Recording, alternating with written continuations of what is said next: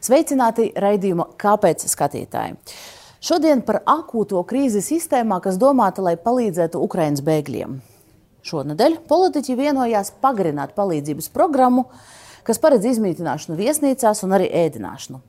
Bet kas notiks pēc mēneša? Vai esam gatavi tam un ko šobrīd visi atbildīgie dara, lai 30 dienās atrastu risinājumu? Par šo diskutēsim, bet sākumā neliels video par to, kā esam palīdzējuši līdz šim.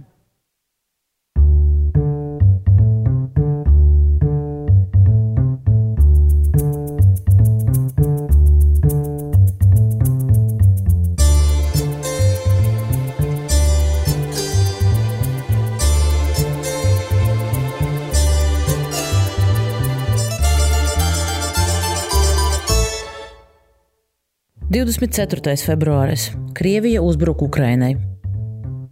25. februāris Latvija ierodas pirmie kara bēgļi, tiek izveidota platforma ukrainlatvija.com. Mārta sākums. Saima pieņem likumu Ukrainas civiliedzīvotāju atbalstam, ļaujot izsniegt ilgtermiņa vīzas ar tiesībām uz nodarbinātību. Uz 90 dienām nodrošina pajumti, ēdienu, pirmās nepieciešamības preces. Marta vidus Rīgas pašvaldība paziņo, ka tās rezerves bēgļu izmitināšanai ir izsmeltas. Aprīļa vidus. Iekšlietu ministrija norāda, Latvijai ierodoties 30 tūkstošiem Ukraiņas bēgļu, septiņām valsts pilsētām vajadzētu uzņemt aptuveni pusi no tiem. Tomēr vēlāk ministrija noskaidro, ka vietvaras var izmītināt tikai 6,5 tūkstoši cilvēku, un tam nepieciešami 30 miljoni eiro. Termiņi, kādos pašvaldības sola telpas pielāgot, ir no viena mēneša līdz pat pusotram gadam aprīļa beigas. Valdība apstiprina jaunu 116 miljonus vērtu Ukrainas bēgļu atbalsta pasākuma plānu. Bēgļus no viesnīcām plānots izmītināt maisaimniecībās, piedāvājot pabalstus. Izmītināšanai viesnīcās finansējums samazināts no 20 uz 15 eiro dienā, ēdināšanai no 15 uz 10 eiro. Maija vidus kļūst skaidrs, ka valdībai precīzi nenosakot palīdzības apjomu Ukrainas bēgļiem pēc 90 dienu termiņa, daudzi no viņiem var palikt bez mājvietas. Maija beigas. Latvija ieradušies 30 tūkstoši Ukrainas kara bēgļu. Koalīcija vienojas, ka šiem cilvēkiem Latvijā paredzētais primārais atbalsts izmītināšanai un ēdināšanai tiks pagarināts par vēl 30 dienām. Pirms sākt sarunu, es atgādināšu īsi, ka atkārtojumā mēs esam redzami RTV televīzijas kanālā, un arī audio versija būs pieejama podkāstu platformās Apple un Spotify. Un studijā mums ir pievienojušies gan par jautājumu atbildīgo ministriju pārstāvji, gan arī cilvēki, kas strādā ar Ukraiņas kara bēgļiem. Stādīšu priekšā iekšlietu ministrijas parlamentārais sekretārs Mārtiņš Steins. Sveiki! Sveicināt. Kustības grib palīdzēt bēgļiem pārstāve Linda Jākapsone. Sveiki!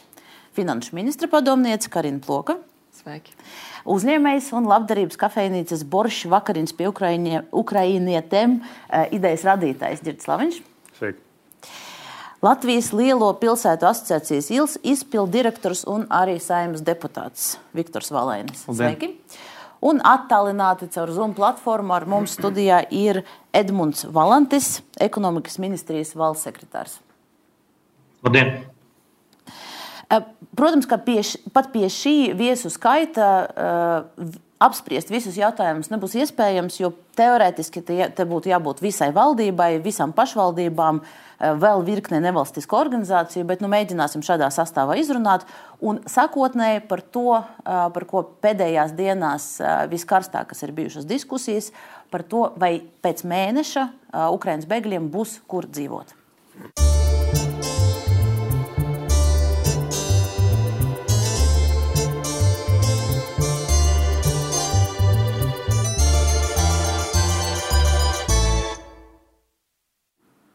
Un par šo pirmais jautājums man ir Linda Jakobsonai, eh, jo jūs ikdienā ar bēgļiem strādājat un mēģiniet šo procesu kaut kādā veidā koordinēt.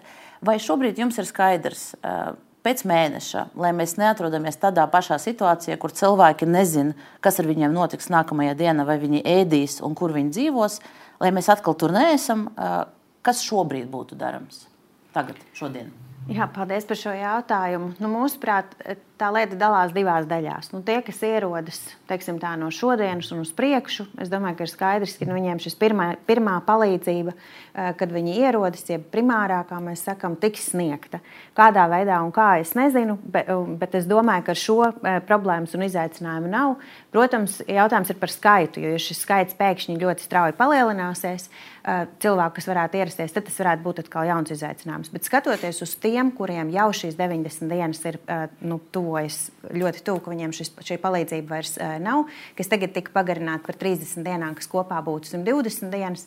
Jebkurā gadījumā man liekas, ka ir vairākas lietas, kas ir jādara. Eh, viena no tām lietām ir, protams, ja mēs paļaujamies uz to, ka mēs daļai no šiem cilvēkiem vismaz varēsim atrast dzīvokli vai kādu citu vai istabu, teiksim, kur viņi var palikt, vai arī tās varētu būt kopmītnes, tad mums ir masīvi jāstrādā visiem kopā, lai to arī ar šo ziņu arī uzrunātu Latvijas iedzīvotājus.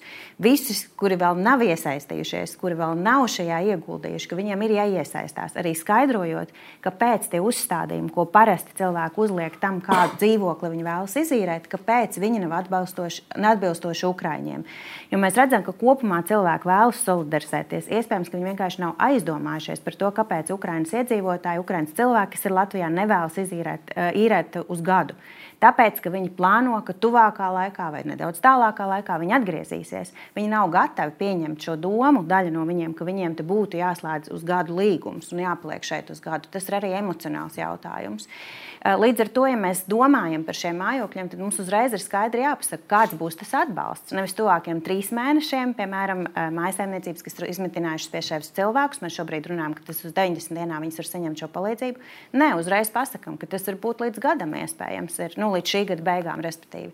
Vai eh, tas kopējais periods var tāds būt, vai pusgads, vienalga, bet ir kaut kāda garāka skaidrība nekā 90 dienas, jo 90 dienas nav nekāda būtiska skaidrība. Un, un, un pats galvenais, man liekas, kā jau minēju, ir šis komunikācijas jautājums. Šos pabalstus, atbalstus, mājokļu pabalstus ir ļoti grūti saprast gan vietējiem iedzīvotājiem. Un kāpēc svarīgi vietējiem iedzīvotājiem? Tāpēc, ka ļoti daudz ukrāņu dzīvo tieši pie vietējiem iedzīvotājiem, un viņi ir pirmais kontaktpunkts, pie kā viņi vēršas. Un, un, protams, arī pašiem Ukraiņas iedzīvotājiem, pie mums cilvēkiem saprast, ko viņi var saņemt un kā šo organizēt. Um, arī šī platforma, par ko noteikti Steinkungs runās, kur var šos dzīvokļus ievietot, tas arī to informāciju pieejamiem dzīvokļiem būs ļoti svarīga. Mēģināsim, jūs, jūs izstāstījāt to lielo bildi. Es, es aicinu mēģināt sadalīt to kaut kādos posmos, un varbūt sāksim tad, tad ar to atbalstu no valsts. Šobrīd uh, Eh, ja ir eh, cilvēks no Ukrainas atbraucis un eh, viesnīcā jau ir nodzīvojis, vai pēc mēneša nodzīvos šīs 120 dienas, un meklē sev kādu vietu, kur tad viņš var apmesties. Atrod dzīvokli, teiksim, un tad tam dzīvokļa īpašniekam, kas pie sevis ielaiž bēgļi, bēgļi ir pieejams kas? Viņam ir pieejams atbalsts no pašvaldības, Tās Maisaimniecības atbalsts. Maisaimniecības atbalsts. Un tie ir tie 100 eiro uh, par vienu iedzīvotāju. Plus 50 par katru nāku. Ar grieztiem 400 eiro. Un, un, ja es pareizi saprotu, tad tas, 300, jā, tas, tas, tas, ko, ko Jakobsons kundze piedāvā, ir uh, pagarināt. Jo šobrīd ir skaidrs, ka tikai 90 dienas var izmantot uh, šo palīdzību papildus naudu, lai cilvēki pie sevis būtu motivētāki pieņemt bēgļus. Kāpēc nevar pateikt, ka šis, šie nav tikai trīs mēneši, bet nu, gads līdz gada beigām kaut kas tāds ilgtermiņa? Nu, pirmkārt, es varbūt arī papildinot. Uh, Jākapsons kundze pieminēja vairākus no šiem atbalsta pasākumiem. Pirmkārt, es gribētu vēlreiz skaidri paust, ka valsts ir apņēmusies maksimāli palīdzēt Ukraiņas bēgļiem, un tā ir arī vīzija, kas atspoguļojas jau šajā Ukraiņas civiliedzīvotāju atbalsta likumā. Tur šie visi mehānismi ir. Tā situācija tāda, ka, protams, arī mēs varbūt cerējām, ka tas viss beigsies ātrāk. Līdz ar to šobrīd ir pieņemts, ka attiecībā uz viesnīcām šis pakalpojums beigsies tā kopumā beigsies. Līdz ar, nu, to, beigsies, jā, jā. līdz ar to visiem jāstrādā uz tiem citiem pasākumiem, kas daļa ir arī līdz pat oktobrim. Līdz ar to šobrīd galvenais uzdevums šī mēneša laikā jau ir rītdiena, jo valdība saimta tātad vakar pieņēma šo pagarinājumu, motivēt cilvēkus. Un, un taisnība jau saka, ka ne tikai viņiem pašiem, bet arī pašvaldībām strādāt pie tā, lai uzrunātu gan dzīvokļu īpašniekus. Jo, kā jau NVO sektors norāda, un citi, tiešām daļa sabiedrības negrib uzņemt. Es, es, es jūs pārtraukšu. Es gribēju sākumā saprast, saprast par to atbalstu. Jo ir skaidrs, ja, ja, ja iedzīvotāji ir gatavi pie sevis pieņemt uh, bēgļus, tad Mēs kā valsts viņus motivējam kaut kādā veidā. Šīs pabalsts 100 eiro par vienu cilvēku, maksimums 300 eiro par katru maisaimniecību. Šis ir motivējušs mehānisms. Nu, lielais, un, un tagad, un tagad cilvēks, kas pie sevis paņem uh, dzīvot uh, no Ukraiņas kara beigošos, zina, ka viņam šis atbalsts ir tikai uz trim mēnešiem. NVO saka, ka tas nav pietiekoši. Tas nav pietiekoši, lai motivētu. Vai ir plāns pagarināt? Ne, redz, te ir divas lietas. Mēs jau ceram, ka lielākā daļa no šiem bēgļiem, kuri šobrīd jau no IM iekšlietu ministrijas esori saņēmuši uzturēšanās atļauju tiesībām strādāt, ka viņiem šie trīs mēneši vai seši mēneši būs tas atspēriens, lai viņi varētu ieiet darba tirgu un teikt, dzīvot Latvijā. Bet mēs redzam, Pajātās, ka tas nenotiks tas ir... tik ātri. Līdz ar to šobrīd mēs runājam vēl par tām 90 dienām, bet virkni no šiem atbalstiem būs ilgāki. Piemēram, mājsaimniecības atbalsts man šeit ir jau līdz oktobrim. Uh, Vai arī pagaidām uz trīs mēnešiem viņš ir pieejams. Bet tad ir atbalsts uh, caur pašvaldībām. Tas, laikam, ir līdz oktobrim. Līdz ar to tur ir tās alternatīvas jau šobrīd. Pats, Tāpēc, ka ir vairāk, ir viens ir, kad ir mājasēmniecībām atbalstāt cilvēkiem, kuri dod savus dzīvokļus, un tad caur pašvaldībām ir iespējas gan uh, attiecībā uz īres līgumiem, gan uz pašvaldību telpu pielāgošanu, tad tur ir vairākas iespējas, kurās mēs meklēsim tos iespējas, lai cilvēkus pārvirzītu no viesnīcām. Es, es, es, es domāju, ka par tiem īres līgumiem un cik iespējams ir tos noslēgt, un arī par to, ko pašvaldības var darīt un pielāgot savas telpas, arī par to mazliet vēlāk, bet nu, par šo konkrēto. Šis, šī ir konkrēta ideja - pagarināt šo motivējošo pabalstu iedzīvotājiem, lai viņi pie sevis aicinātu bēgļus, un, un, un to termiņu pagarināt nu, vismaz.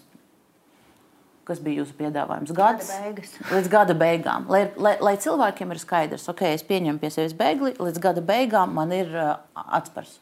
Ja jūs man jautājat, tad, protams, uzskatu, ka jāpagarina uz visu to termiņu, kurā mēs piešķiram uzturēšanās atļauju cilvēkiem visus atbalstus.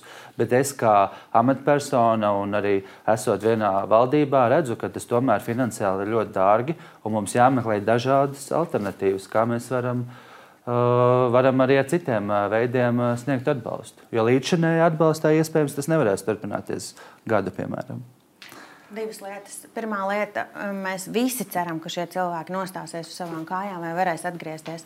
Taču mēs visi zinām, ka viņi lielākā daļa nevarēs piedalīties darba tirgū. Tāpēc, ka trešdaļa no viņiem ir bērni, apmēram 5000 ir seniori, un papildus tam ir arī daudzas ģimenes, kurās ir daudz mazu bērnu vai vienkārši ir mazi bērni. Līdz ar to lielākā daļa no visiem tiem aptuveni nopaļoši 30 tūkstošiem, kas pie mums šobrīd ir ieradušies. Diemžēl darba tirgu nevarēs iesaistīties ne trīs mēnešu laikā, ne sešu mēnešu laikā. Tas ir viens. Otrs ir, mēs arī zinām, ka tikai apmēram trešdaļa ir izmitināta pašvaldībās. Nu, atkal nopaļojot, ja 20 tūkstoši dzīvo kaut kur citur. Mēs nezinām, cik tieši no tiem 20 tūkstošiem dzīvo pie radiem, draugiem un citiem labiem cilvēkiem, teiksim, tā, kas viņus ir izmitinājuši. Bet mēs jau gribētu, ka viņi tur paliek. Tāpēc, ka tas, šis atbalsta veids ir vislētākais. Ja mēs salīdzinām ar jebkuru citu ar trīspusējo līgumu, ar mājokļu pabalstu un visiem pārējiem, diemžēl vai par laimi viņš ir, nu, un viņš arī ir jāņem ņem vērā, ka viņš ir visvienkāršākais, kā viņu iegūst, un vismazāk apgrūtina pašvaldību un jebkuru citu resursu. Ir jāizpild viens iesniegums, jāiznes uz pašvaldību, un pašvaldība, kā teikt, pārskaita to naudu, pārliecinoties, ka viss ir kārtībā. Tas arī ir viss. Mājokļu pabalstam vai tam trīspusējam līgumam, par, par ko runāsim, šī procedūra ir daudz, daudz sarežģītāka, un tā ir iesaistīts daudz lielāks finansējums un daudz lielāks resurss no pašvaldības puses. Iespējams, tas ir tāds uh, jautājums no malas, bet mēs šobrīd runājām, ka tie pabalsti ir ļoti uh, sarežģīti. Pat uh, Steinkungs šķiet neorientējas visos tajos precīzi. Šobrīd viņi ir diezgan daudz. Jau. Vai ir iespējams vienkāršot to sistēmu un izveidot nevis uh, desmit dažādus sarežģītus pabalstus, kuros neorientējas pat amatpersonas? bet, bet izveidot vienu vai divus variantus. Nu, faktiski jau šobrīd arī ir viens vai divi varianti, jo šobrīd ir uh, tas atbalsts, uh, kas ir Ukraiņas bēgļiem, kas dzīvo viesnīcās. Tas ir nu, ļoti skaidri definēts atbalsts. Tātad viesnīca plus ēdināšana. Un tas, ko mēs vēlamies likt vietā, ir šis mājsaimniecības atbalsts plus īres līgumi. Jo citu variantu jau mums īsti arī nav. Uh, un vēl viens variants ir tas, par ko mēs runājam ar pašvaldībām. Mums bija ļoti laba tikšanās vakardien ar pašvaldību savienību uh, par šīm pašvaldību pielāgotajām telpām. Tā kā pēc būtības šis nav sarežģīti. Un uh, man šķiet, ka mums tomēr ir jāņem vērā, ka Ukrainas šiem bēgļiem vai Ukraiņas civiliedzīvotājiem ir tiesības arī uz visiem tiem uh, pabalstiem un atbalsta pasākumiem, kas mums ir šeit vietējiem. Tātad gan uz šo pašu mājokļu pabalstu, ko viņi dabū no pašvaldības, gan uz maznodrošināto pabalstu, gan visām mamām ar bērniem maksā uh, šo ģimenes valsts pabalstu. Starp citu, tas arī ir jautājums, kādēļ tikai apmēram viena ceturtā daļa no tiem, kuriem ir tiesības uz šo ģimenes valsts pabalstu, tikai uz to ir pieteikušies. Jūs zināt, kāpēc? Nu, tas noteikti nav jautājums finanšu ministrijai. Es nezinu, tas būtu droši vien jautājums labklājības ministrijai um, un VSA, bet uh, nu, tas nav sarežģīti. Ja viņi var pieteikties uz visiem tiem pabalstiem, kas ir pašvaldībās, tad visdrīzāk viņi var pieteikties un šo vienu iesniegumu aizpildīt arī VSA. Komunikācijas dēļ, tāpēc, ka nav informācijas. Man arī šis skaidrs bija pārsteigums, ko es, ko es arī uz, uzzināju nesen. Es arī teiktu, ka tā ir komunikācija. Visticamāk, ka tā ir komunikācija, ka cilvēki nezina, ka ir arī šāda atbalsta forma.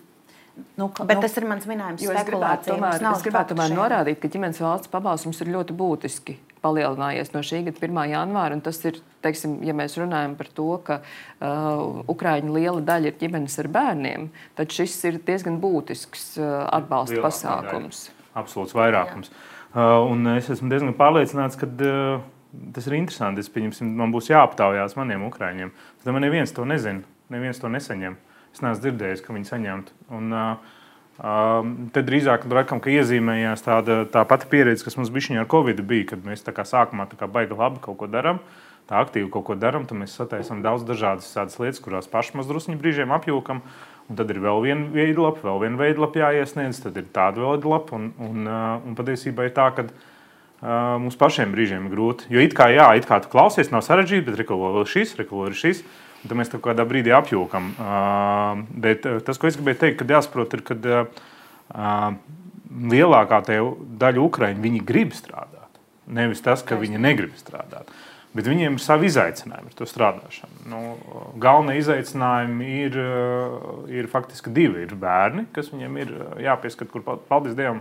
Nu, lielākā daļa, ko es esmu sastapis, ir dabūjuši dārziņus. Tur viss ir kārtībā, tur pašvaldība, nu, vismaz Rīgā, zinu, ir, ir tiešām rūpējusies un centusies. Un, un, uh, grupiņas ir uz brīdi gumiju palikušas, nu, viņas bija paplašināts tāds gumijas grupiņas. Uh, tas ir Es domāju, tur gadu vai divus tas ir pilnībā fini. Ja tas pat tik, tik ilgi vajadzīgs, tas ir pilnībā ok. Um, bet tas, protams, ierobežo, jo nu, Latvijas uh, dārziņiem tomēr nu, mums nav tik slikti kā teiksim, Zviedrija, ja, kur, kur piecos tev vienkārši aiziet prom un aizslēdz dārziņu. Mums vēl kaut cik pagaida, bet nu, tomēr tev līdz pieciem ir jāsavāc, un tad attiecīgi tev ir tās. Uh, Un um, tev ir tās ierobežotās laiks, un ļoti daudz ir atbraukuši bez jebkāda atbalsta dienesta. Ja? Nu, teiksim, vietējiem cilvēkiem ir māsa, brālis, uh, vīrs. Pārsvarā viņas ir viens. Ja? Uh, ļoti retiem izņēmumiem, kad ir kaut kas vairāk ģimenē. Attiecīgi viņām pašām ir jābeidz darbs un jāskan izņemt tas bērns no dārza. Nu, tur varbūt ir arī, mēs redzam, nu, es redzu tādu lietu, kas ir arī mums, latviešiem, jāiemācās vispār no Padomu Savienības iznākot. Uh, Viņi nevienmēr māca paši korporēties. Varbūt tas ir kaut kādā veidā jāpalīdz. Un es arī Ukrāņiem, kurus es redzu, es iesaku tiešām nu, kooperēties. Ja? Tu paņem, tu paņem šodien, tu paņem rīt, nu, risināt šo problēmu tādā veidā. Bet strādāt viņi visi grib ļoti, un viņi ir gatavi. Nu, lielākā daļa, es domāju, viņi ir gatavi strādāt ne savās profesijās, jo ļoti liela daļa ir juristi, uzņēmēji, uzņēmumu vadītāji, filiāļu vadītāji, cilvēki, kas galīgi nu, ir gatavi mazgāt grīdas, uh, tīrīt uh, un darīt šos te, nu, tādus nu, pamatdarbus. Bet nu, tur atkal uh, nu, jā, tas līdzsvars ar tiem bērniem. Tā kā, nu, tā kā, tas, tas, ko es gribētu redzēt, kad mēs varbūt beigtu. Nu, to klasisko Covid schēmu, ka mēs kaut ko izdomājam, tad mēs visu sarežģījām. Beigās, ka mēs tieši otrādi mēģinām kaut kā attīrīties, novienkāršoties un, un saprast, jā, ka trīs mēneši un arī četri mēneši nav pietiekami, lai cilvēks spētu ja viņš ir atbraucis ar vienu mugursomu vai maksimums divām mugursomām, viņš spētu nu, uzsākt dzīvi no jauna. Un, vai tas ir gada beigas? Es, e, e, tas ideālais modelis, un es, es varu runāt tikai ideālismā šobrīd. Ideālais modelis būtu, kad mēs dodam cilvēkam nu, līdz pusgadam iestartēties. Mēs viņam dodam arī atvieglot nodokļu režīmu, jo tas arī ir viens jautājums. Nu, teiksim, Latvijas nodokļi arī mazajām algām ir ļoti lieli.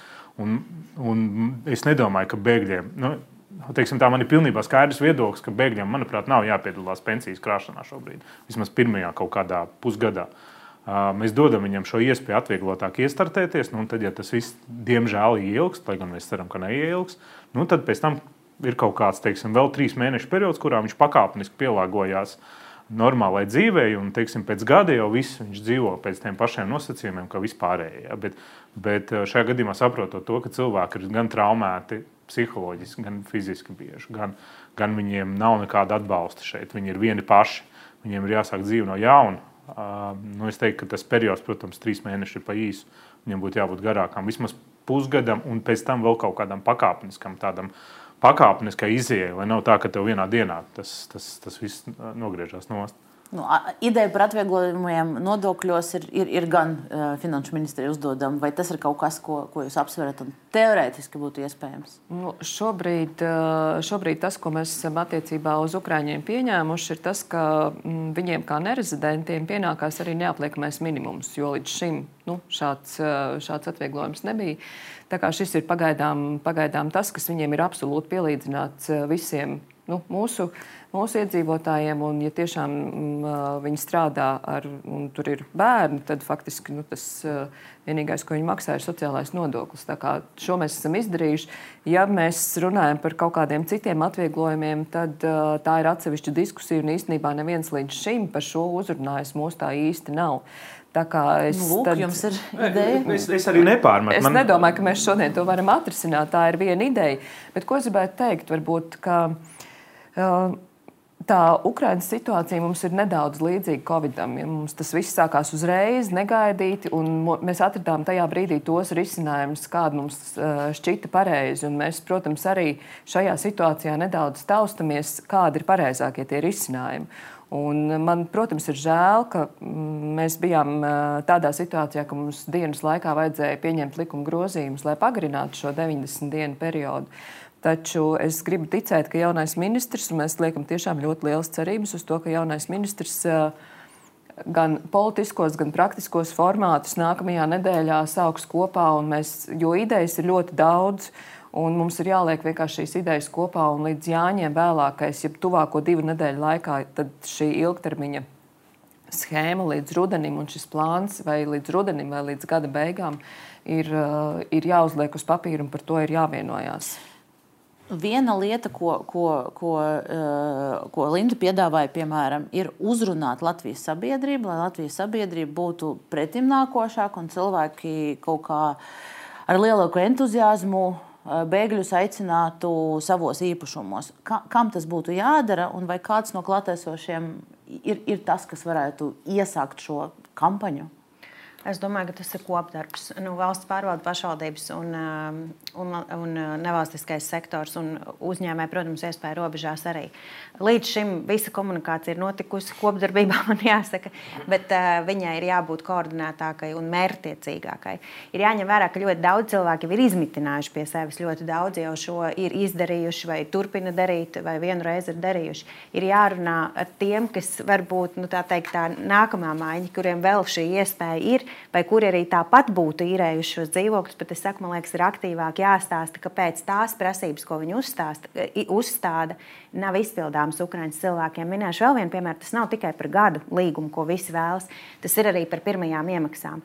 Nu, prasīt, piemēram, kā mēs visi zinām, pirmo un pēdējo mēnesi samaksāt uzreiz Tas nav iespējams. Lielākajai daļai Ukraiņas cilvēku Latvijā tas vienkārši nav iespējams. Varbūt, ka vienu mēnesi vēl atdodot savu krīzes pabalstu, bet, eh, bet eh, divi mēneši nu, lielākajai daļai tas ir arī nepārvarams šķērslis. Līdz ar to eh, nu, tas ir vēl viens šķērslis, kāpēc ir grūti iegūt dzīvokli. Bet kas varētu būt risinājums? Kā, kā varētu e, valsts iespējams nu, nograntēt to pirmo iemaksu vai vēl kaut kā? Kas ir tas, ko mēs varam darīt? Drīzāk šādā virzienā, jo jāsaprot, nu, ka tie, kas nav uzreiz tajā sākumā metušies ar tādu nu, tādu labdarības pieeju, tie arī to tagad nedarīs. Viņi ir racionāli domājuši, viņiem ir savs. Savas racionālas vajadzības bieži vien saprotams, jāmaksā kredīts. Nu, ir, nu, ļoti, nevajag arī cilvēkiem pārmest, ka viņš uzreiz nav priekšā skrējis ar karogu un vispār veidā. Ne visi to var. Uh, Katram tur savi iemesli, nav mums tur jāanalizē. Bet tieši tā, nu, varbūt nu, ir, ir gan tur jau ir arī tādas lietas, ka nu, bieži vien neiedod, tāpēc ka tas nozīmē, ka ir jā, jāslēdz oficiāls līgums. Nu, tā mums ar Latvijā problēma, ka izīrētājiem nevienmēr tas, nevienmēr tas patiks. Ir, ir pat bailes, ir neziņa, kā tas būs. Arī mēs tagad uh, atradām dzīvokli vienai no mūsu ukrainietēm, un uh, nu, tur bija diezgan ilgi, nu, kamēr mēs mēs sapratām, noskaidrojām paši un mierinājām, ka viss būs labi ja, arī izīrētāji. Ja, jo nu, viņi tiešām satraucās. Nu, ir cilvēks, kas satraucās. Kā, ja, teiksim, arī, arī šeit var būt šis nodokļu jautājums, ka, teiksim, nu, ja tu izīrē dzīvokli Ukraiņiem, tad tu nemaksā par šo maksu, piemēram, IN. Ja. Vai tieši otrādi kaut kādā veidā tev to kompensē? Ja? Nu, kaut kā tev tas nāk atpakaļ. Vai kad ir kaut kāda teiksim, valsts garantija? Jā, jo, jo tieši tā, nu, arī uh, Nu, mums jau jānonāk, mēs jau šeit nonākam ne jau tikai Ukrāņiem, arī Latvijā daudz cilvēku, kuriem uh, dzīvokļu īrējas pirmo iemaksu šim mēnešam savākt, tas nav viegli. Un Ukrāņi šobrīd ir, ja viņi arī dabūna darbu, viņi ir tieši tajā kategorijā, kur tas nav tik vienkārši. Un, uh, viņi nedabūna darbus uh, virs vidējās algas, viņi dabūna darbus zem vidējās algas. Un, uh, nu, tas, tas vispār ir izaicinājums. Tā kā, tā kā, bet, nu, protams, ka Ukrāņiem tas ir lielāks, jo viņiem nav, kā jau teicu, nav, nav nekādas tās atbalsta bāzes.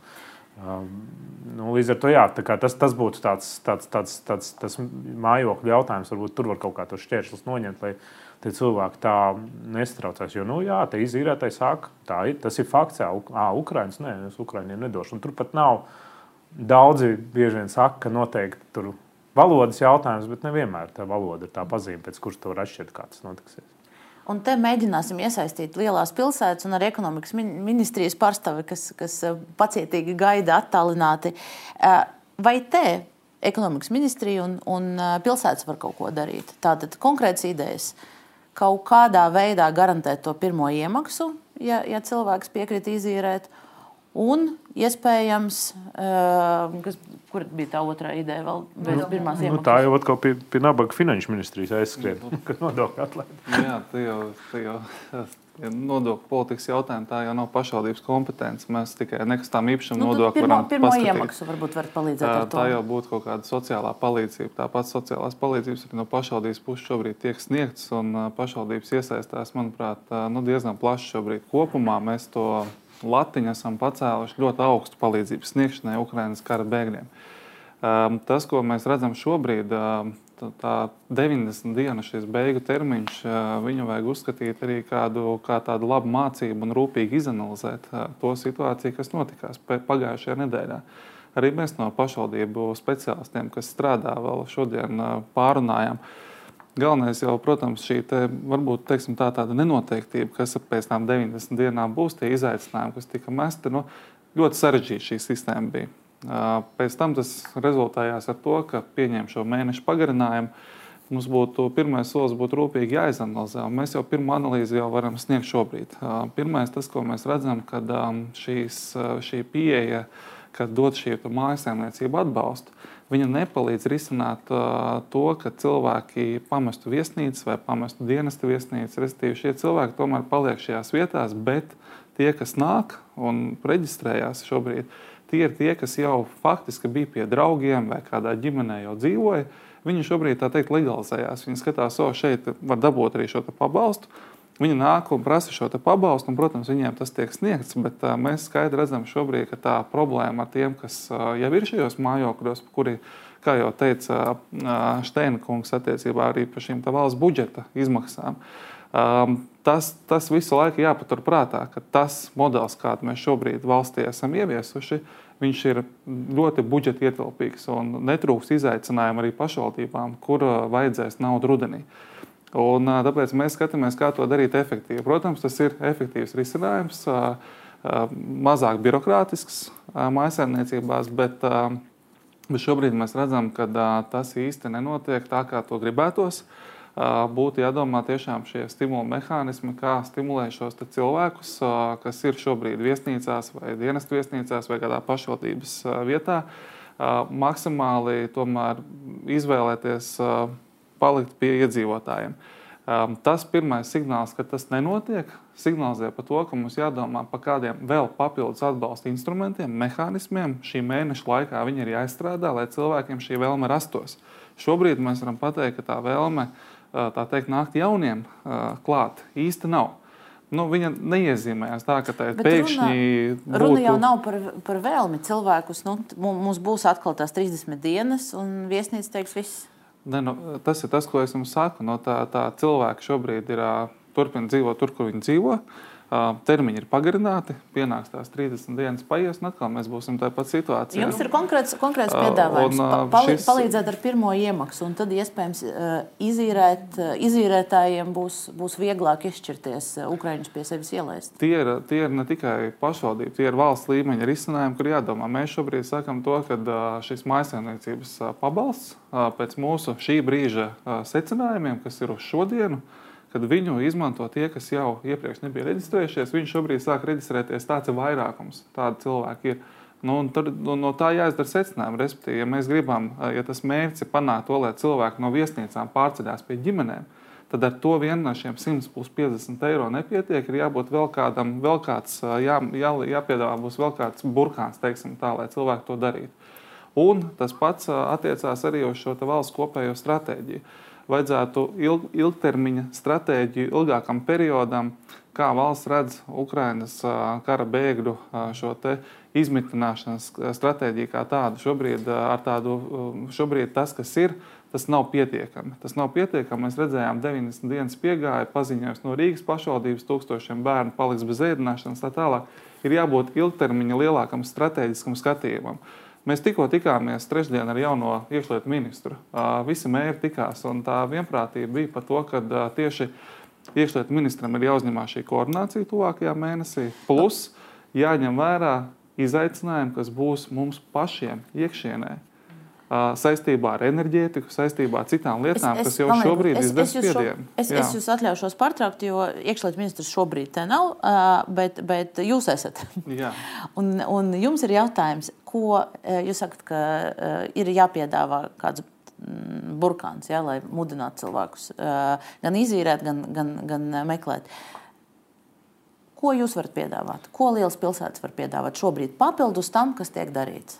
Ja jūs domājat no šādiem atbalsta risinājumiem, es domāju, ka pilsētās resursi no pašvaldību budžetiem diez vai atradīsies šādu palīdzību sniegšanai, jo šobrīd es saņemu pirmos signālus no pašvaldībām, kas jau ievieš budžeta korekcijas ar budžeta samazinājumiem.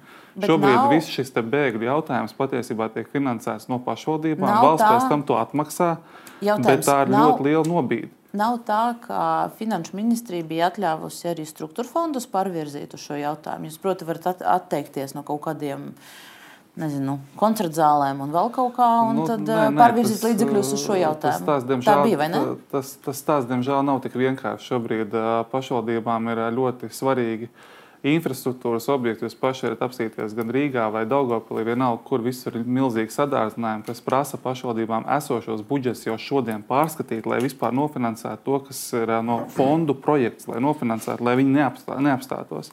Bet tika, tika pārskatīts, bija starp, starp, starp lielajām pilsētām. Jūs bijat runājuši, ok, paskatāmies, kādi mums, mums kuram ir projekti, kuru mēs varam apturēt, varbūt, lai, lai pārvirzītu līdzekļus bēgļiem. Bija tāda analīze. Mēs lielo pilsētu formātā to neesam kāpēc? skatījušies. Es zinu, pilsētu, pils, pils, eh, pilsētu, pilsētu līmenī šādas diskusijas ir. Tas iemesls tāds, ka pilsēta šobrīd finansē šo visu pasākumu un jau tērē projektiem paredzēto naudu lai nofinansētu viesnīcu rēķinus, ēdināšanas rēķinus, taisa budžeta grozījumus, tērē visu, visu veidu uzkrājumus.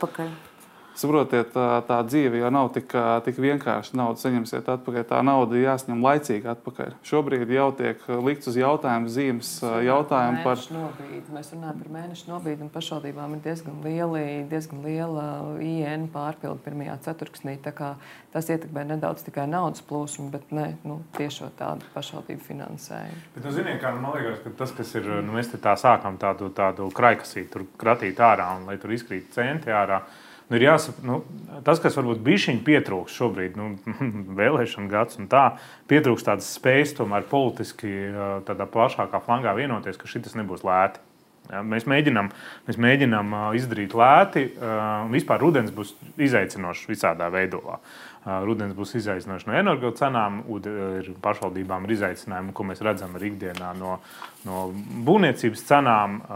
Ir izaicinājumi ar bērnu ēdināšanu, jo nu, lasīju kaut kādu citātu, ja jau tur var par diviem eiro dienā bērngārzā pabarot, kāpēc viesnīca nevar, bet nevar neviens par diviem eiro neko pabarot. Tas nav iespējams. Tas, tā, tas vienkārši nav iespējams. Tā ir ilūzija. Uh, tur ir bijis cits tas modelis apakšā, kas to nofinansē skolu kafejnīcu, kur bērni pērk saldumus. Ja. Tas nofinansē to starpību. Uh, Iespējams, ka tas, kas mums pietrūks, mums pietrūks tāda sapratne par to, ka nu, jā, nu, ir 100 miljoni un tas būs vēl 100 miljoni, būs vēl 100 miljoni. Līdzīgi kā Covid sākumā bija tāda sapratne kopīga politiska, ka šis nav tas brīdis, kad, um, nu, kad bremzēt, kad taupīt. Šis ir tas brīdis, kad, uh, nu, kad tērēt, uh, jā, nu, tērēt, tērēt vairāk nekā mēs ieņemam.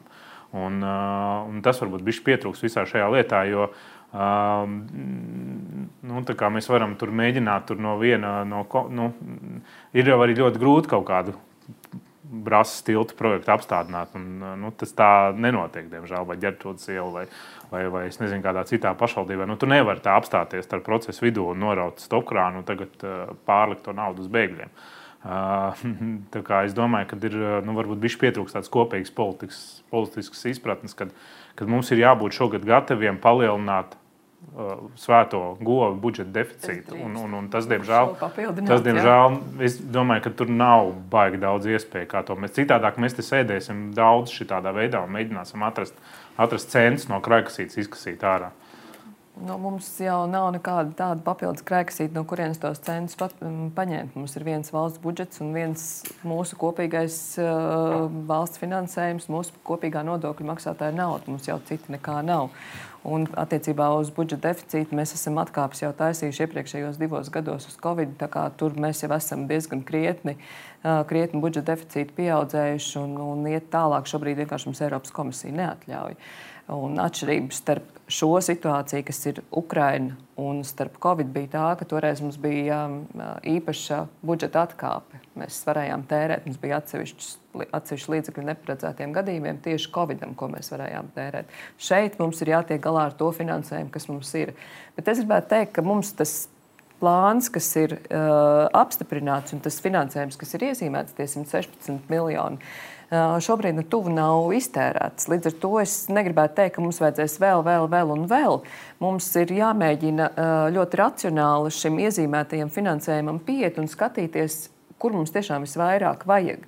Jo varbūt tie trīs mēneši jau ir tāds atskaites punkts, kad mums ir jāsāk skatīties, kur, kurš ir tas, ja kuras, kuras ir tās grupas, kurām vajadzētu vairāk, jo iespējams, ka visiem nevajag. Tāpēc uh, varbūt šis ir tas laiks, kad mums ir, ir jāpārstāj vispārināt un jāsāk skatīties jau pa konkrētām grupām, pa konkrētiem uh, cilvēkiem, vai tie ir bērni, vai tās ir tiešām māmas ar, ar um, zīdainīšiem. Jo arī jau Latvijā māmas ar maziem bērniem strādā. Nu, mēs jau visi, arī viņi iet bērnu dārzos un, un visi nu, jā, mēs dzīvojam. Tā, mums ir bieži vien, nu, nu, protams, vien, vientuļiem vecākiem Latvijā, un tas nav noslēpums, viņiem ir viens no lielākajiem nabadzības riskiem. Ja, tā būtu vispār problēma problēma, par ko mums arī būtu jāsēž un jārunā. Tieši kā šo risināt. Bet uh, lielākajai daļai tomēr uh, ir kaut kāda atbalsta, uh, nu, kaut kāda atbalsta komanda. Nu, viens, arī šeit es gribētu, šeit, lai mēs nevispārinām. Mums vienkārši ir, mums ir tiešām 30 dienas, kurās mums ir jāliek visas šīs idejas kopā, un uh, mums ir jāskatās, nu, jā, ko mēs varam ilgtermiņā. Es liktu, es liktu uz to, ka vislabākais izveidot. ir vislabāk vispār visas šīs sāpes, vislabāk ārstēt darbs. Un tas, tas ir tas, ko es redzu ikdienā. Uh, kad uh, visu šo, uh, nu, ne, ne visiem, droši vien ir cilvēki ir dažādi, pasaule ir dažāda, bet nu, lielākā, absolūti lielākā daļai, es nezinu, kā jums pieredze ar ukraiņu bēgļiem, viņi, viņi grib ārstēt šīs sāpes ar darbu. Un, un ja mēs varētu palīdzēt viņiem šeit labāk iekļauties šajā tirgu, kur es piedāvāju ar kaut kādām tomēr nodokļu pakāpenisku, kaut kādu pakāpenisku ieslēgšanos. Jo viņi tāpat cer visi atgriezties un negrib viņi šeit palikt ilgāk par vēl dažiem mēnešiem. Un līdz ar to viņiem nav šeit jākrāj pensija obligātā kārtā. Nu, ja mēs varētu šeit kaut ko darīt, tad varbūt lielu daļu no tām problēmām, kur, kur mēs šeit runājām, tas atrisināt ar to, ka viņi atrastu jā, nu, 500, 600, 800, 900 eiro mēnesī darbu. Viņi, viņiem būtu jāiemācās pašiem kooperēties, arī dzīvot reizēm kopā. Un, un, un viņi jau to ir gatavi darīt, jo viņi jau ir dzīvojuši Latviešu ģimenēm kopā. Bieži viņi tagad savācās atkal divas starp dzīvoklī, divas ģimenes dzīvo, tādā veidā kooperējās. Nu, visi saprot, ka nu, tā tas ir. Un, un, nu, tas darbs iespējams, ka būtu tas, tas darba virziens, veicināšana tieši iesaistīšanās darba tirgu būtu tas labākais virziens, manuprāt. Nu, atkal otro reizi mums jau izskan ideja, un es atkal pajautāšu, teorētiski, vai tas ir izskatāms jautājums. Papildu nodokļu, varbūt neprecīzi, kā, kā Ģirs saka, bet, bet uh, papildus nodokļu atlaides uh, Ukraiņu, Ukraiņas kara bēgļiem, kas, kas, kas vēlas darba tirgu iesaistīties. Terminēts. Es negribu teikt, ka tās ir nodokļu atlaides, jo sociālās apdrošināšanas iemaksas īsti nav nodoklis. Nu, ja? Jā. un, un tad Maksājuma ir atlaides. Jā, tas mums, ir iespējams. Tas ir kaut kas. Es šobrīd nevaru atbildēt. Mums ir jārunā ar Labklājības ministriju šis jautājums, jūs... jo tas ir, tas ir viņu, tas ir viņu, ta, nu, viņu maksājums. Bet jūs būtu, jūs kā, kā pārstāvot tikai sevi un savu amatu, būtu gatava šo likt uz, uz galda ministram, Labklājības ministrijai un sākt runāt par šo. Arī Pie... vienam, starp citu citu, jo nu, nu, kā, kaut kādu tādu trepīti. Ne, bet, uh, es, tāpēc es, es, gribu, es gribētu varbūt sagaidīt to atbildi. Vai, vai, jū, vai jūs tagad sadzirdot šo teorētiski būtu gatavi iesākt sarunu par, par šādām idejām? Iesākt sarunu mēs, protams, par šo varam. Ar ko ar tas beigsies, es šobrīd nevaru jums pateikt. Bet uh, tas primāri, ko es dzirdēju, bija sociālās apdrošināšanas iemaksas, lai netiek uzkrāts pensijai. Tas bija primāri un, tas, ko es dzirdēju. Un bija vēl ideja par uh, iedzīvotāju ienākumu nodokli nodokļa atlaidēm uz uh, izīrēšanu Ukrāņu bēgļiem. Un, un, un es vēl teiktu, nu, tur droši vien būtu jāsēž un ilgi jāstrīdās un jāņem tāfe un līdz asinīm jāizstrīdās un pēc tam jāvienojās. Bet es, pie, es piedāvātu arī pašvaldībām, nu, kā, nu, arī pašvaldībām, nu, teiksim, es nedomāju, nu, esmu pietiekami ilgi darba tirgo pats, un es neredzu veidu, kā šis cilvēku daudzums, īpaši tā viņa struktūra, kāda ir, var sabojāt darba tirgu, ja tas ir īslaicīgi. Nekāda riska darba tirgu sabojāšanai šeit neredzu. Uh, jā, būs kaut kāda darbdevēja, kas īslaicīgi to izmantos. Nu, bet tas, tas uh, nu, arī kaut kādu IN daļu samazināt. Nu, uh, nu, bet tur gan ir kopīgi. Tagad nu, jau ir tā nodokļu politika jānodala. Jā, jā, jā. Es vēlreiz es, es saku, tas ir tas vienīgais tāds... nodoklis, kas ir tas nekustamā īpašuma nodoklis, ko pašvaldība drīkst vispār administrēt. Vispārējais valsts likuma noteikts, un pašvaldībām tur ir ļoti ierobežots iespējas. Mans aicinājums ir visiem kopā kaut tas, kā attiecās uz, tas attiecās uz darba spēku nodokļu politikām. Es gribētu uzteikt finanšu ministriju. Mēs jau sākotnēji identificējām šo IN problēmu, kad šie neapliekamie minimumi atšķirās. Bija to ļoti strauja re reakcija, un šobrīd mēs arī turpinām ar uzņēmējiem strādāt. Tās nav vienīgās idejas, un es teiktu, tā, ka tas darbs jau notiekās. Nav tā, ka nenotiek. Vienīgi tas izaicinājums, ko mēs no pašvaldību puses redzam šobrīd, ir visi tie ļoti daudzie bērni. Tas ir ne tikai šīs iespējas atrast šo darbu, ja, bet es runāju ar Valmijas mēru, piemēram. Viņiem ir Viņiem atbraukušas sporta skolas, kur uz, uz simts bērniem ir viens šis pieaugušais. Nu, tur nav, tur viņiem pilnīgi cita, cita, citas kategorijas izaicinājumi. Ir. Un tie ir tie, kuri varbūt šobrīd mums ir primārākie. Un pa darba tirgu mēs redzam, ka cilvēki iet, kas var, viņi iet, dabūjam šos darbus. Mēs dzirdam signālus, ko vajadzētu uzmanīt. Tur notiekās tie, tie priekšlikumi ļoti daudz. No, tieši tā. Tur daudz kas jau notiek. Varbūt vairāk vajag komunicēt un stāstīt par šiem, ko mēs šodien jau dzirdējām, kas netiek izmantoti jau arī tie instrumenti, kas jau ir. Nu, jāteic, mēs šajā studijā saskaramies ar šo regu, eh, argumentu regulāri. Ja, ja ir pārmetums par kaut kādu valsts nepietiekamu rīcību, tad eh, vai pašvaldības parasti atbildi ir, ka nu, vajag, viss jau ir labi, bet nu, tikai tā komunikācija pieklibo. Bet ar šo es gribētu ļoti atvainoties ekonomikas eh, ministrijas valsts sekretāram par to, ka viņš klusi klausās mūsu diskusiju un iesaistīt viņu beidzot Edmunds Valantis Jums noteikti ir, es pat nejautāšu konkrētu jautājumu, es pieņēmu, ka jums ir daudz komentāru par, eh, par, par te teikto jau šobrīd.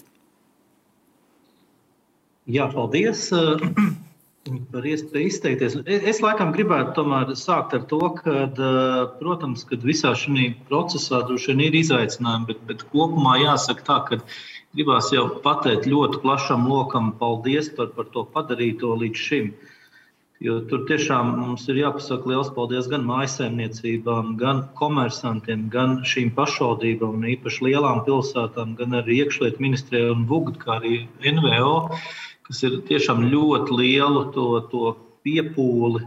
Laiku, resursus ir veltījuši nu, ne tikai par šo mājokli, bet, bet daudzas lietas ziedot. Un, un tiešām visu mūsu kopējās interesēs ir, ir palīdzēt gan Ukraiņai, gan, gan Ukraiņas bēgļiem šeit, šeit Latvijā, lai viņi pēc iespējas labāk justos uh, Latvijā. Jāsaka tā, ka nu, mēs esam iesaistīti laikam, no paša sākuma un, un tieši par šo aktu, aktuālo jautājumu, kas ir mājokli.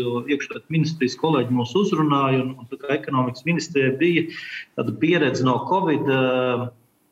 Covid laikiem attiecībā uz viesnīcu nodros, nodrošināšanu ar Covid saslimušiem, tad, tad sākotnēji tā doma bija tāda, ka šos bēgļus izmitināsim viesnīcās, un, un, un mēs, mēs arī atsaucāmies. Uh, Un faktiski tad, tad šī atbildība arī mums tā, tā ir palikusi, kad mēs uh, strādājam pie šī jautājuma par, par mājokļu attiecībā uz bēgļiem. Jāsaka tā, ka uh, nu, ir pagājuši, nu vēl laikam nav pagājuši trīs mēneši kopš uh, šīs atbalsta aktivitātes ir sākotnēji apstiprinātas.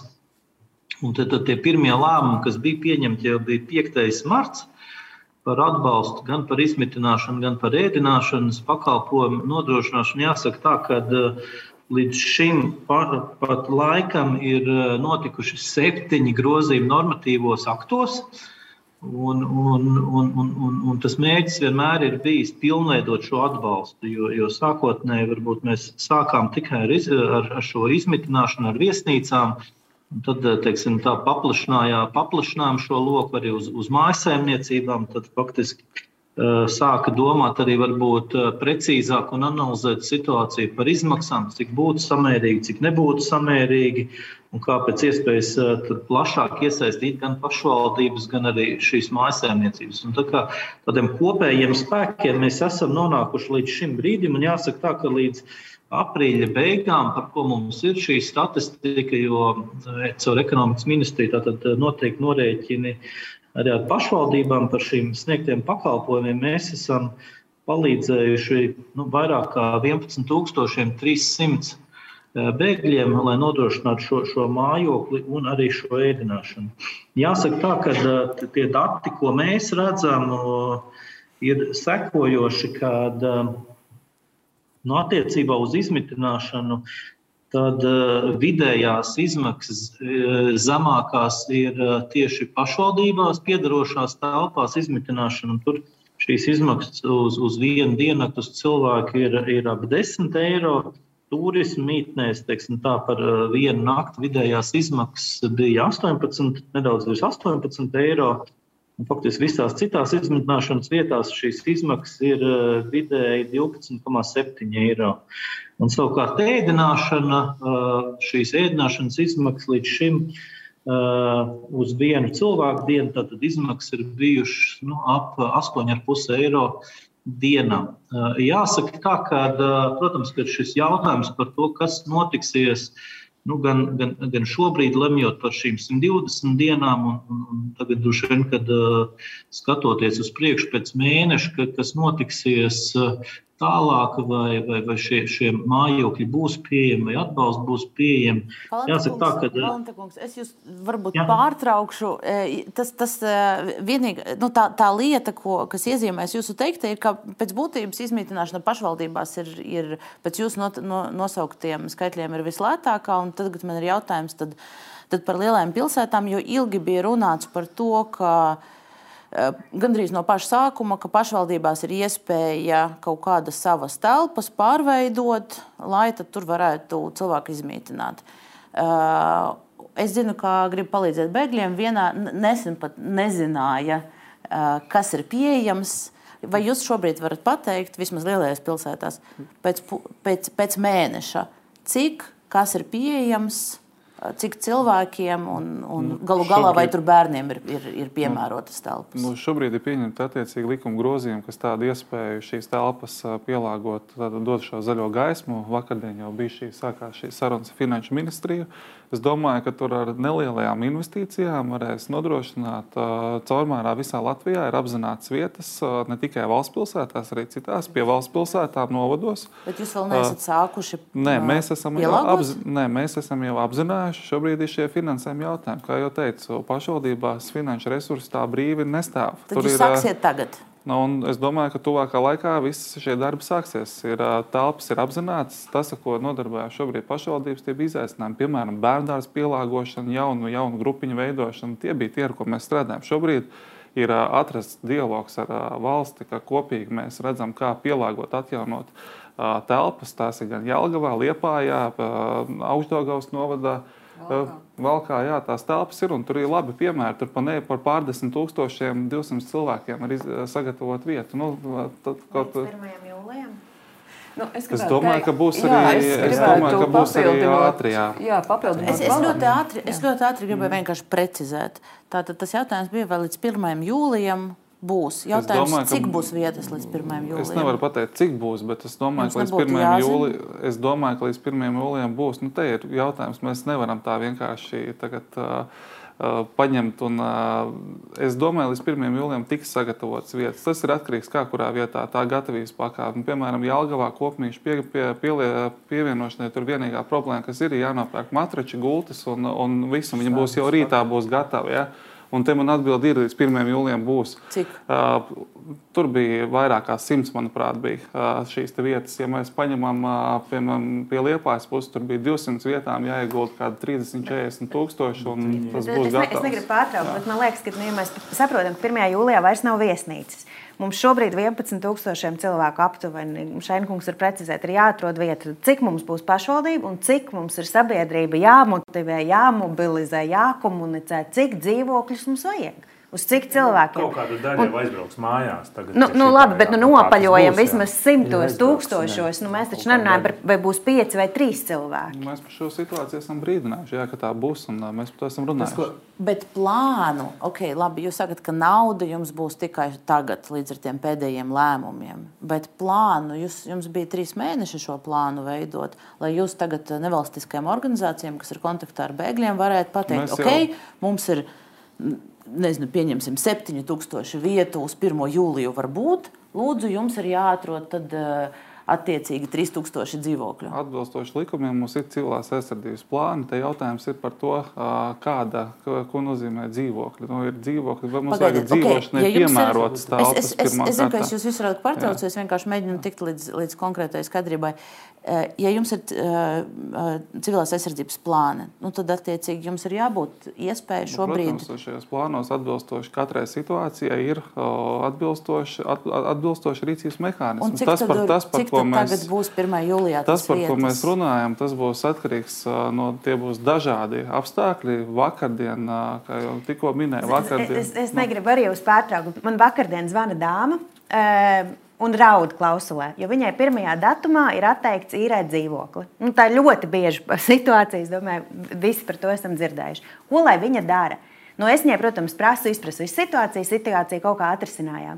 Es tādām frāzēm, kā jūs, viņai, protams, ilgi un dikti varētu skaidrot, bet es, es, es negribu būt kaut kādā veidā nepieklājīga. Es tikai saku, ka tad, kad mēs stāvam Kaļķielas infocentrā, tad man konkrēti ir jāzina, nu, kāda ir tā atbilde, ko es cilvēkam saku.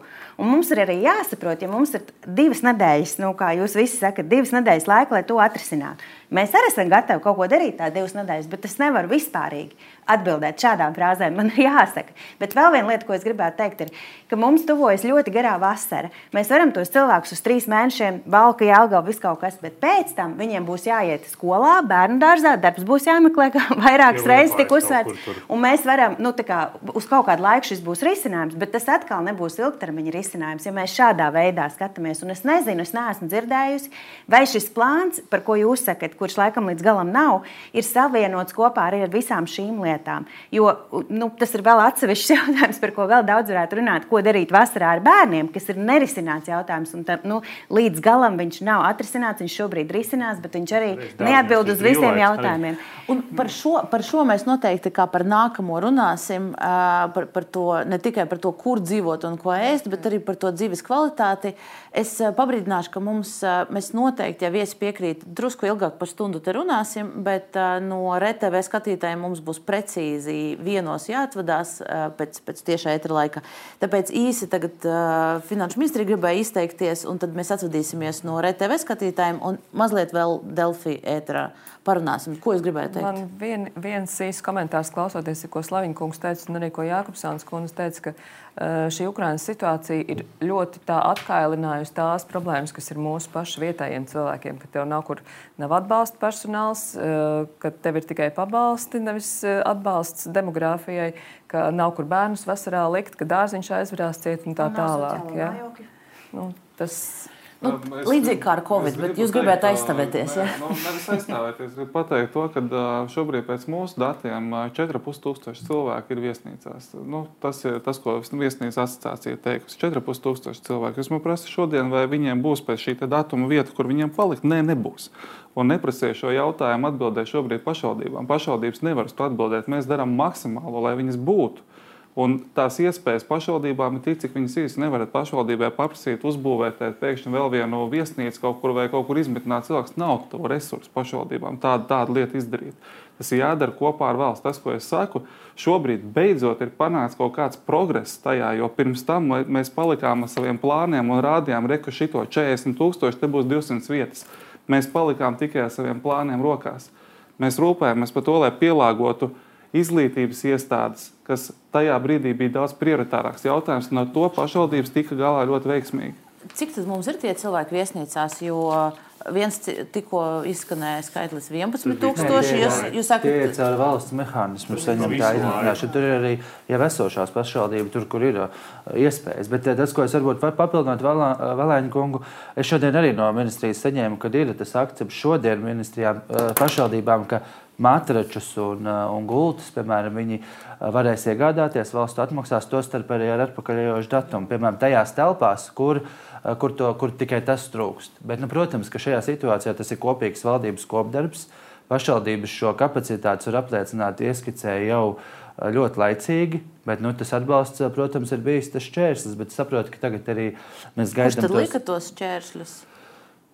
Nu, tas ir finansējuma trūkums, ir šķērslis, protams, šajā, jo tas, protams, ir jauns finansējums. Un pašvaldības, kā jau Valēnkungs apliecināja, nevar.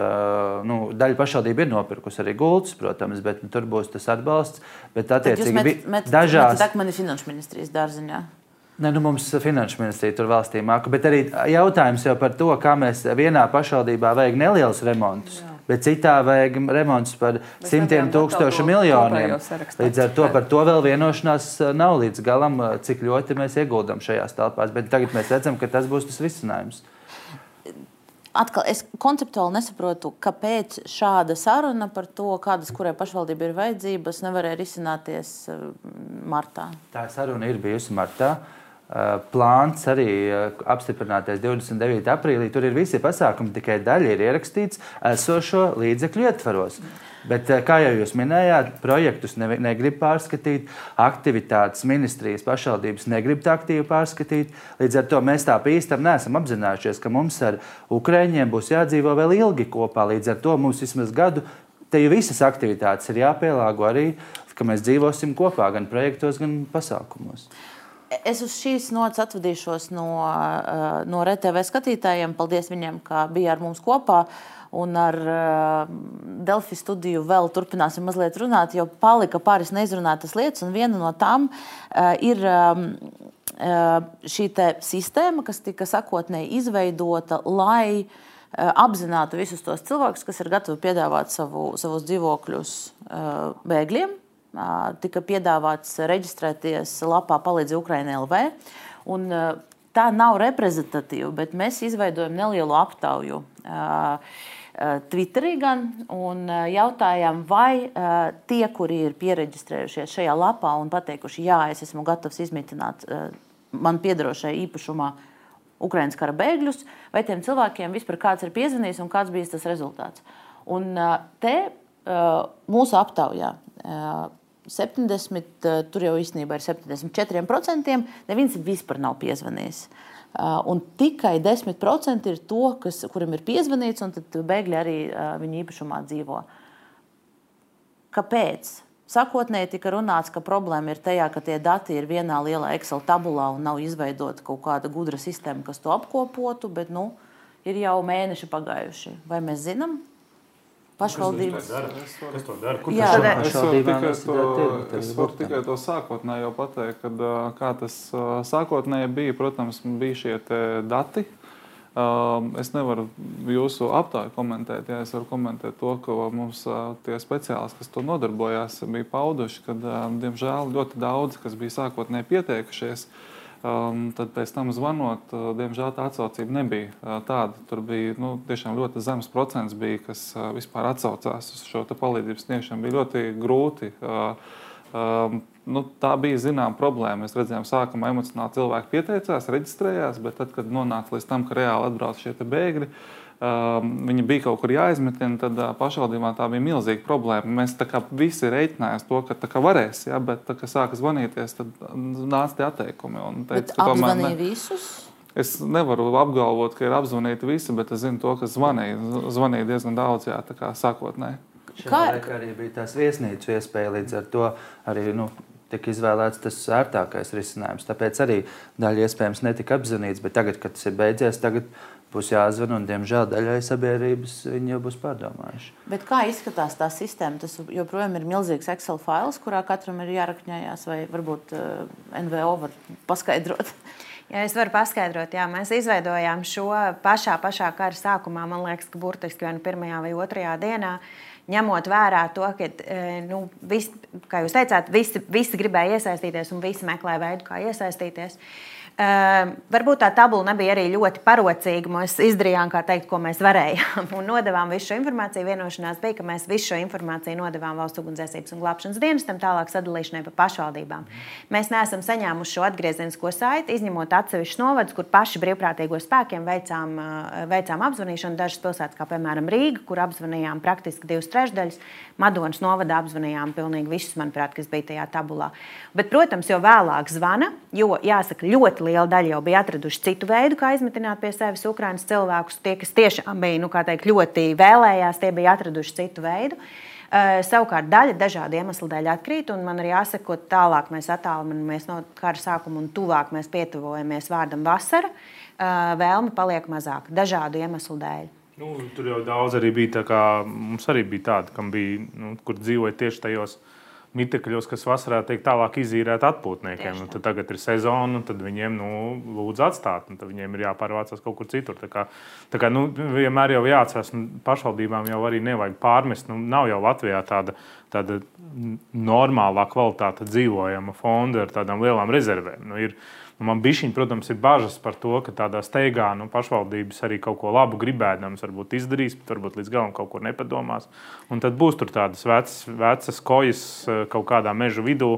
Uh, nu, tas, tas tāds vienīgais, tā kā, bet ko es gribēju iekomentēt, kad uh, nu, arī no Covid mācību, kas mums bija šī, nu, kas arī šeit parādījās. Mēs tā baigi, mēs sēžam šeit, kā tas nevalstiskais sektors, un tā baigi močījām to valsts sektoru, un pēc tam visus nešķirojot. Tev, jūs, jūs viņus tur arī visus močījām. Slikti strādājat, un mēs te arī kaut ko darām. Bet eh, tas, kas varbūt bišķi pietrūkst, ir tāda savstarpēja koordinācija. Un es arī pašvaldībām aicinātu Ko es redzu Boršā? Cilvēki ir gatavi brīvprātīgi iesaistīties. Viņiem pietrūkst idejas, ko darīt. Viņiem pietrūkst, bieži vien viņi pietrūkst varbūt pārkāpt tam pirmajam solim līdzi. Bet, teiksim, arī, lai sakoptu kaut kādus šos īpašumus, nu, tādas pašas talkas būtu, es domāju, tas būtu diezgan efektīvs risinājums. Jā. Īpaši pašvaldības, kas spēj pietiekami labi aizsniegt, ja vēlās savus iedzīvotājus tad tas var būt viens risinājums, kur var iesaistīt ne tik daudz, varbūt, lai ietaupītu naudu. Nu, tas nebūtu varbūt, primārais, varbūt kaut kur tas izdodas. Bet arī lielā mērā, lai veicinātu šo te, par ko te ir runāja, lai mēs veicinātu to, ka tie cilvēki tomēr atkal atcerās, ka tā problēma ir tepat, viņi ir, viņi nav pagājuši, tas, ka saule spīd un, un, un, un, un, un zemenes ir dārzos, tas nav atrisinājis līdz galam problēmu. Un, mans aicinājums būtu kaut kā nu, arī no pašvaldību viedokļa, tagad risinot šo mājokļu krīzi iesaistīt arī tieši nu, brīvprātīgo palīdzību. Jo šis varbūt ir tas posms, kad mēs varam vispār kā sabiedrība iemācīties, ka ne, ne jau ierēdnim vienam. Nu, tas, ka mēs esam nolikuši kādu ierēdni un kā iedevuši naudu, neatrisina problēmu. Bieži vien ir problēmas, kuras ir lielākas par vienu ierēdni, kur vajag vairākus plecus, lai viņas pakustētos. Jā. Es papildināšu, varbūt uz šīs nots. Man liekas, savukārt, ka tik daudz, kā mēs esam strādājuši kopā nevalstiskajā sektorā, tā nekad Nē, nav bijis. Tas, tas ir, es tā kā, domāju, no, jā, tas, tā kā, man liekas, jā, jā. ka vispār mums ir ļoti, mums tā baigi negatīvi aizgāja tā saruna. Mm -hmm. Īstenībā ļoti daudz, kas ir izdarīts, ir ļoti labs. Un mēs noteikti kā sabiedrība esam uh, daudz mācījusies, un mēs noteikti kļūstam uh, nu, gudrāki no šī visa. Tā kā vienkārši tas mans aicinājums ir to nepazaudēt, neaiziet, jo viņš viņas atsaukšos vēl vienreiz uz Covid. Covid arī mēs ļoti labi iesākām patiesībā, ja mēs tā atceramies. Tā pirmā vilna bija tāda, tāda diezgan liela. Tāda. Bet, bet pēc tam mēs aizgājām tādā, katrs atkal savā kabinetā, viena vienā frontē, otra otrā frontē, pārmetumi, tur nepietiekami, kaut kas tas nav pietiekami. Un to nevajadzētu pieļaut. Būtu baigi labi, ja mēs, mēs spētu izvairīties un turpināt kaut kādā tādā pašā tajā vienā elpā. Nu, nevienmēr mums būs viena elpa. Bet, nu, kaut kā tā koordinēti, tur draudzīgi tur turpināt risināt šīs problēmas. Uz šīs nots īstenībā būtu ļoti skaisti nobeigt eh, un nofinalizēt raidījumu, bet mēs to vēl nedarīsim, jo, jo ekonomikas ministrijas eh, valsts sekretārs jau ilgu laiku attālināti ceļ roku un, un grib nokomentēt. Es tā saprotu, ka tas sakotnējs komentārs bija par, par šo te platformu, mēģinot iesaistīt eh, cilvēkus, kas gatavi savus mītekļus piedāvāt. Jā, paldies. Es, es varbūt, eh, varbūt vienu solīti vēl atpakaļ, un es, es mēģināšu ātri izteikties. Varbūt, par, to, par to mājokli un, un to izaicinājumu, vai, vai kā viņu pārvarēt.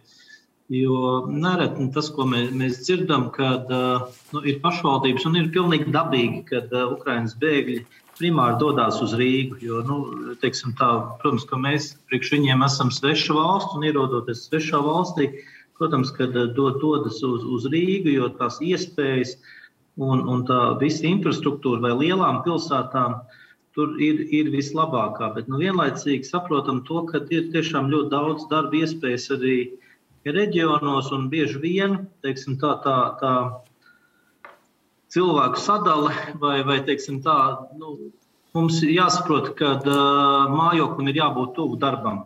Un, un, un, un lielā mērā par, par šīm 120 vai 90 dienām, protams, ka tā situācija ir, ir, ir, ir, ir, ikdienā jāseko līdzi. Lielā mērā jau ir tā vēlme, lai, lai, lai, lai, lai, šie uh, Ukraiņas bēgļi, tie, kas tiešām var, ka viņi iesaistās darba tirgu. Un, un faktiski šī trīs vai četri mēneši, laikam, būtu pietiekami objektīvi, ilgs laiks, lai, lai, lai šo darbu varētu atrast. Un, uh, nostātos arī finansiāli uz savām kājām. Te jums studija, studija jau, jau, jau, jau iebilst ar restiem. Nē, nē es, es varbūt pabeigšu līdz galam, un, un, un, varē, un varēsiet, varēsiet. Tas nav varēsiet trīs mēneši iebilst. pa mazu. Esam objektīvi. Nu, ļoti iespējams, ir, tāpēc es arī saku, ir, ir tiešām ļoti rūpīgi jāskatās, jo, protams, ka mēs apzināmies, ka lielā mērā tās ir sievietes, sievietes ar bērniem, vecā gada gājuma, ne visi ir, ir darbspējīgi un ne visi var iesaistīties. Uh, Un tiešām, tad, kad ir viens pats ar vairākiem bērniem, tas, tas nav vienkārši. Bet tāpēc tādā ziņā nu, tās ir tās mācības, kas mums ir jāsaprot, un arī tie turpmākie lēmumi arī no, no tiem mūsu secinājumiem būs droši vien jāpieņem. Jo, uh, Jo nu, tas ceļš uz priekšu, tad ir jāsaprot, ja mēs saprotam, ka objektīvi nevarēs atrast tad, tad to darbu, tad ir jāsaprot, vai nu turpina vēl atbalstu. Tiešām tas ir politisks dabas jautājums, tas nav ierēģiņa jautājums, jo, jo tas tiešā veidā skar budžetu.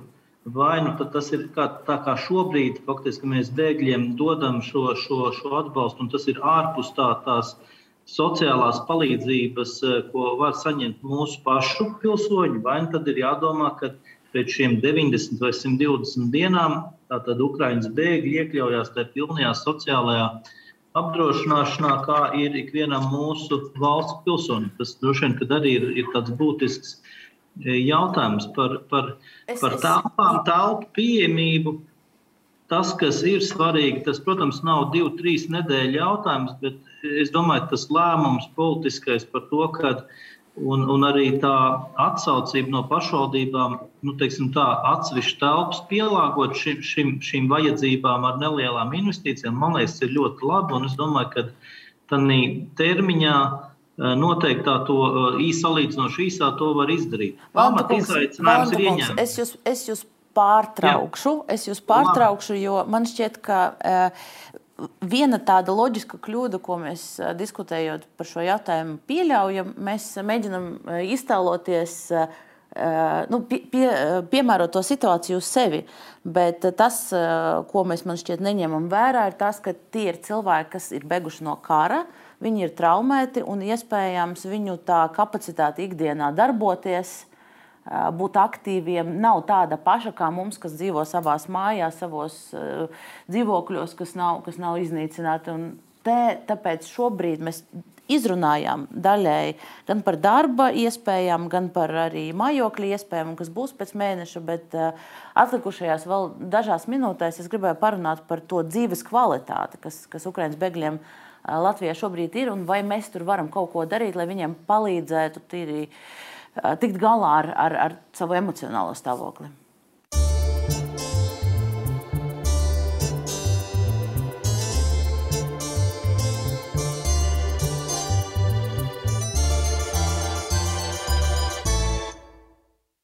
Te, un te atkal man jājautā um, nevalstiskajam uh, sektoram, jūs redzat, kas cilvēkiem ir nepieciešams. Un vai šobrīd uh, Eh, jā, viņiem ir šīs iespējas eh, pieteikties sociālajā dienestā vai izmantot citas iespējas, kas, kas Latvijas pilsoņiem un iedzīvotājiem ir. Bet vai uh, viņiem ir kaut kāds papildus atbalsts, tīri emocionāls, nepieciešams, un vai tas šobrīd tiek sniegts?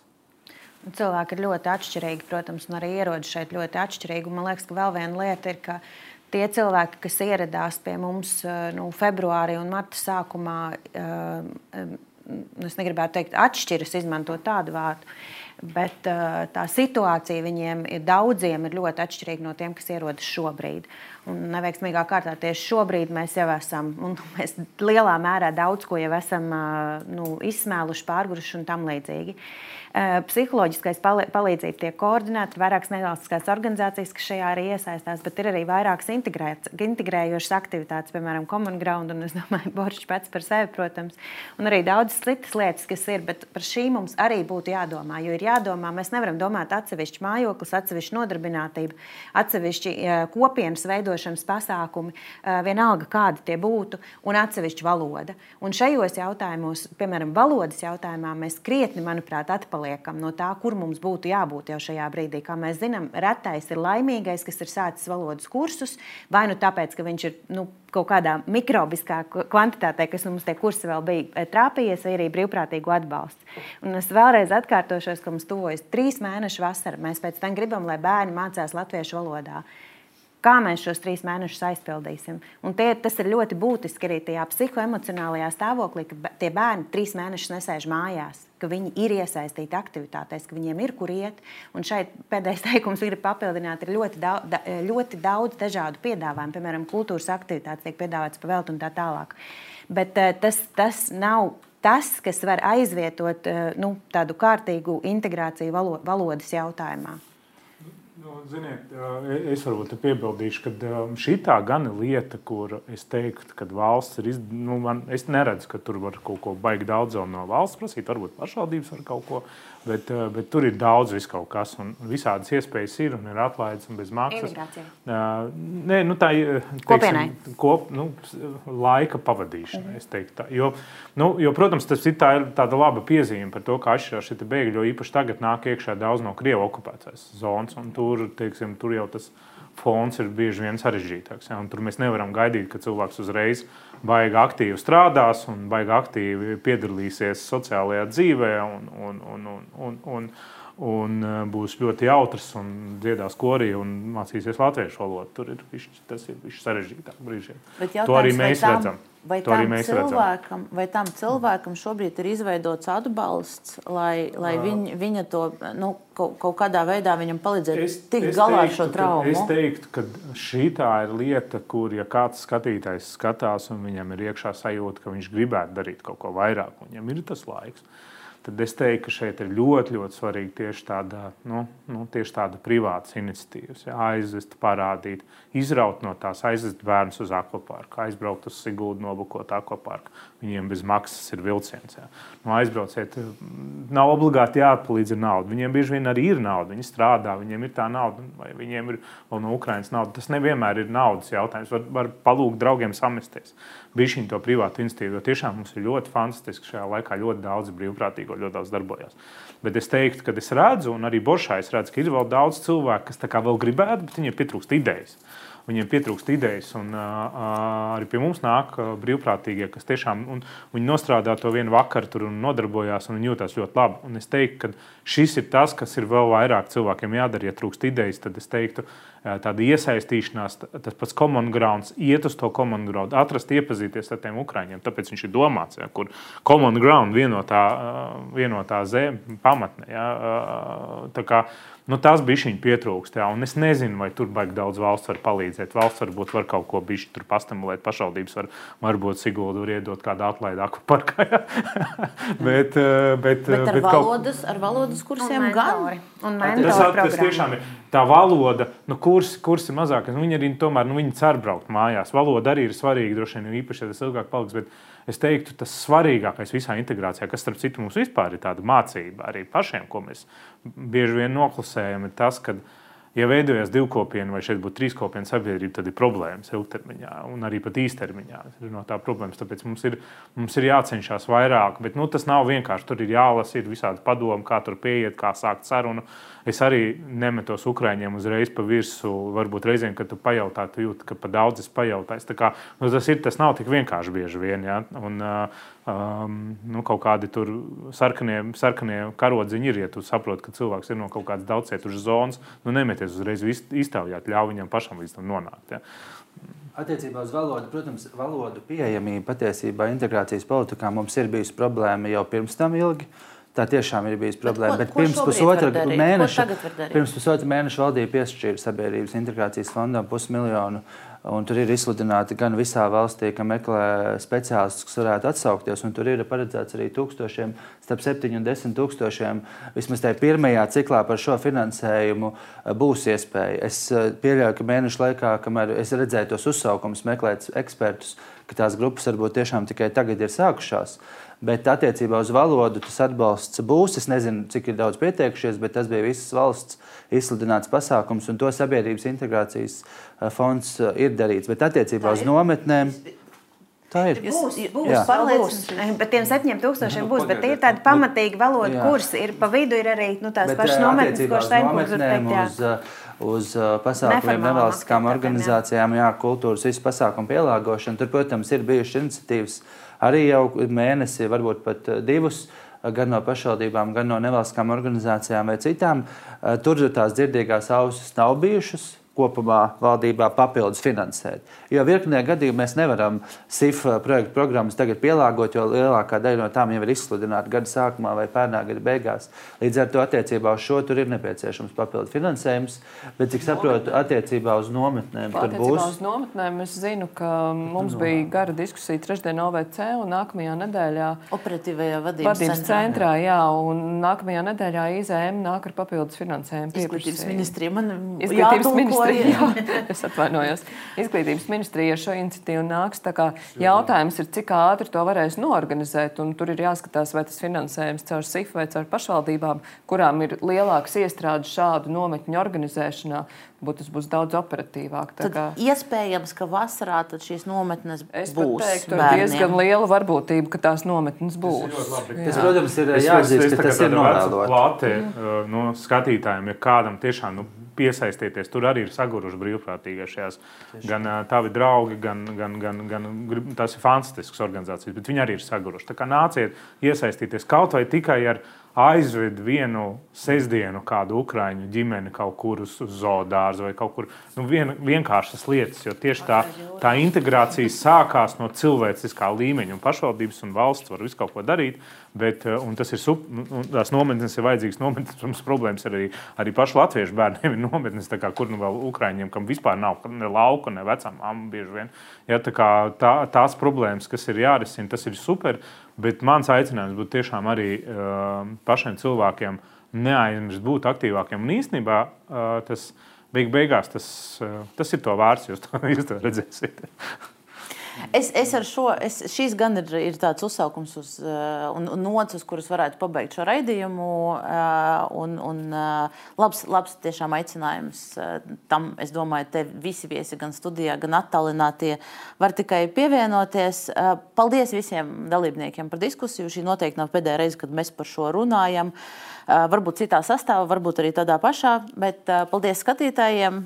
Un uh, atgādināšu tikai, ka pirmdien Delfi TV ēterā atgriezīsies ar raidījumu Sprieda ar Delfi 12. Paldies viesiem, paldies skatītājiem un tiekamies pēc nedēļas.